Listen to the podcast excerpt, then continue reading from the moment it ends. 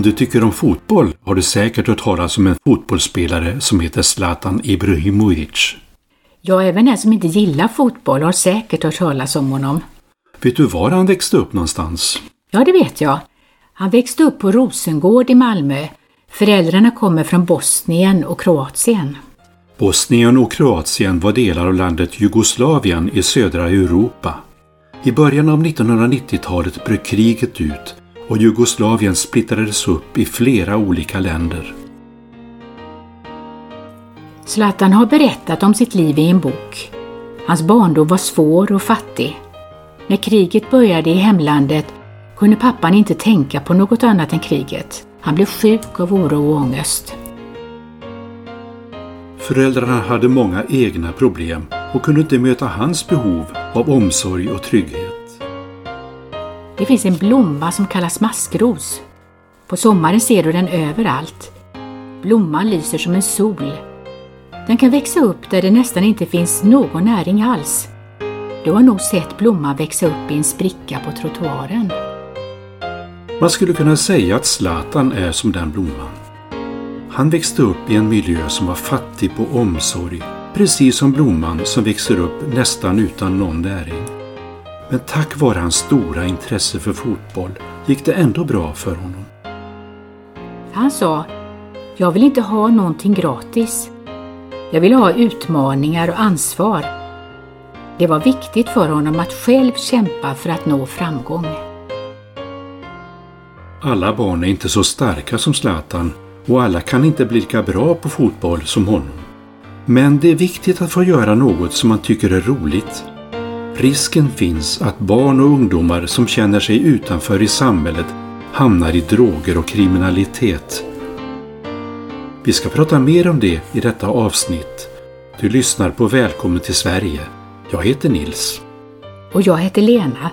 Stanna kvar så ska vi berätta.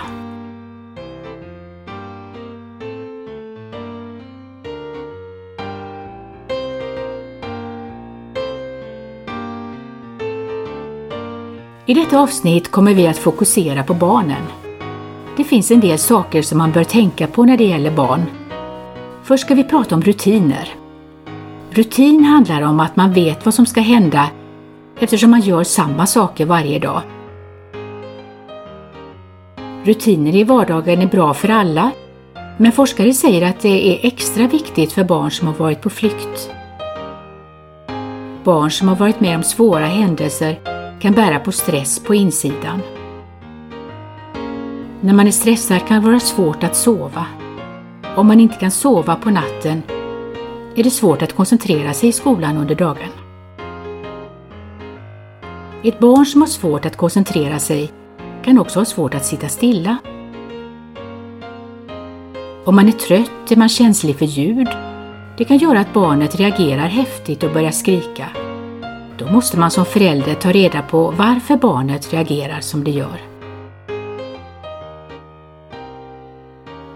Det kräver mycket energi att lära sig nya saker.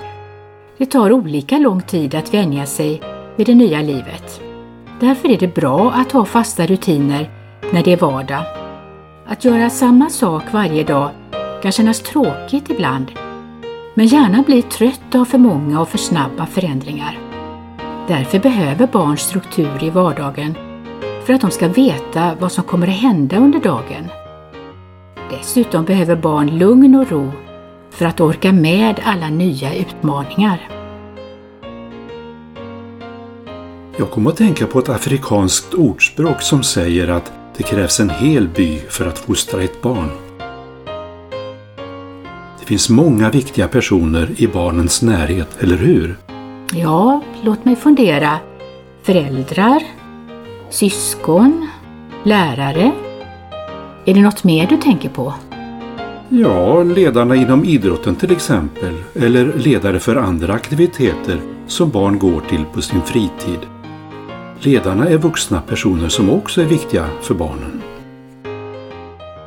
Det var bra att du sa det. Det är mycket bra att barnen får göra något som de tycker är roligt när skolan är slut för dagen. Många idrottsklubbar anordnar sportaktiviteter för barn och ungdomar som är nya i landet. Det är bra för barnen att komma in i en gemenskap och lära känna jämnåriga kamrater. Dessutom är det bra för både deras mentala och fysiska hälsa. Jag tänker på Zlatan igen. Han älskar att spela fotboll. Det blev hans räddning. Om han inte hade haft något att göra på sin fritid hade han kunnat fastna i droger och kriminalitet. Det finns många vinster med att få göra något som man tycker om att göra. Och ledarna för bra fritidsaktiviteter kan vara goda förebilder för barnen och ungdomarna. Droger och kriminalitet är ett tråkigt ämne att behöva prata om, men det är ett viktigt ämne. Tyvärr finns det droger på många ställen i samhället. Den som börjar använda droger hamnar i kriminalitet. Droger förstör unga människors hälsa och framtid och kan leda till döden. Jag vill att du som förälder ska lyssna på vad vi har att säga. Även om du är en bra förälder kan ditt barn ha kompisar som inte är bra för dem. Barn och ungdomar är lätta att påverka. Den som känner sig utanför och ensam och saknar hopp och saknar en tro på att framtiden ska bli bra kan hamna i kriminella gäng. Jag säger inte att det alltid är så, men man måste vara uppmärksam. Jag vill varna för detta eftersom kriminella gäng ökar i förorter där människor lever isolerade. Ledare för de kriminella gängen utnyttjar barn som är under 15 år. Det kan börja med att de får den unga personen att göra olagliga saker. En tonåring kan bli uppmuntrad och glad över att någon visar dem intresse, speciellt om man känner sig utanför och ensam. Den som hamnar i ett kriminellt gäng lockas att börja använda narkotika. Föräldrar har ansvar för sina barn. Det är viktigt att hjälpa barnen att bli en del av det svenska samhället. Du får inte låta dina egna bekymmer ta upp hela din tid så att du glömmer att se vad dina barn behöver. Kom ihåg att prata med dina barn. Lyssna på vad de har att säga. Låt dem få känna att du bryr dig om hur de har det. Barnen behöver en gemenskap som är trygg och säker. Olika idrottsaktiviteter kan vara ett bra sätt att få kontakt med andra ungdomar. Där ligger inte fokus på droger utan fokus är att utöva en sport och få gemenskap med andra ungdomar på samma villkor.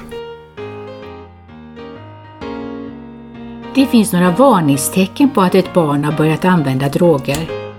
Det kan till exempel vara tonåringen har bytt kompisar och föräldrarna får inte veta vad de gör när de träffas.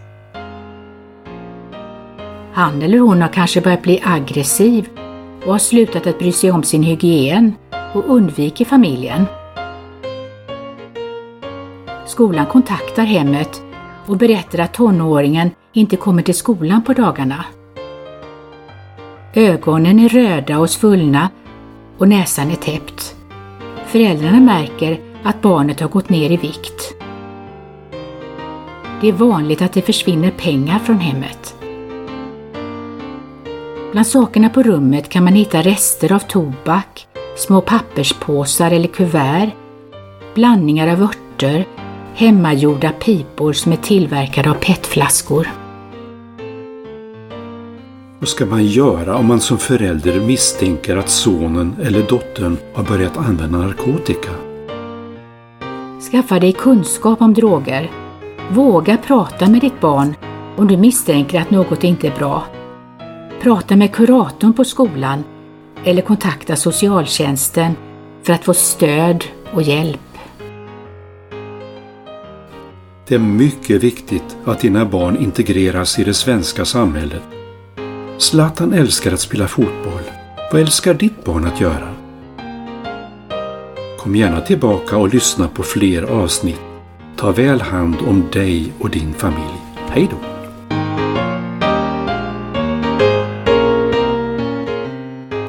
Programmet är producerat av Norea Sverige. E-postadress vts noreasverige.se Bakgrundsmusik är hämtad från Jamendo Cheap Café av D. John Kay.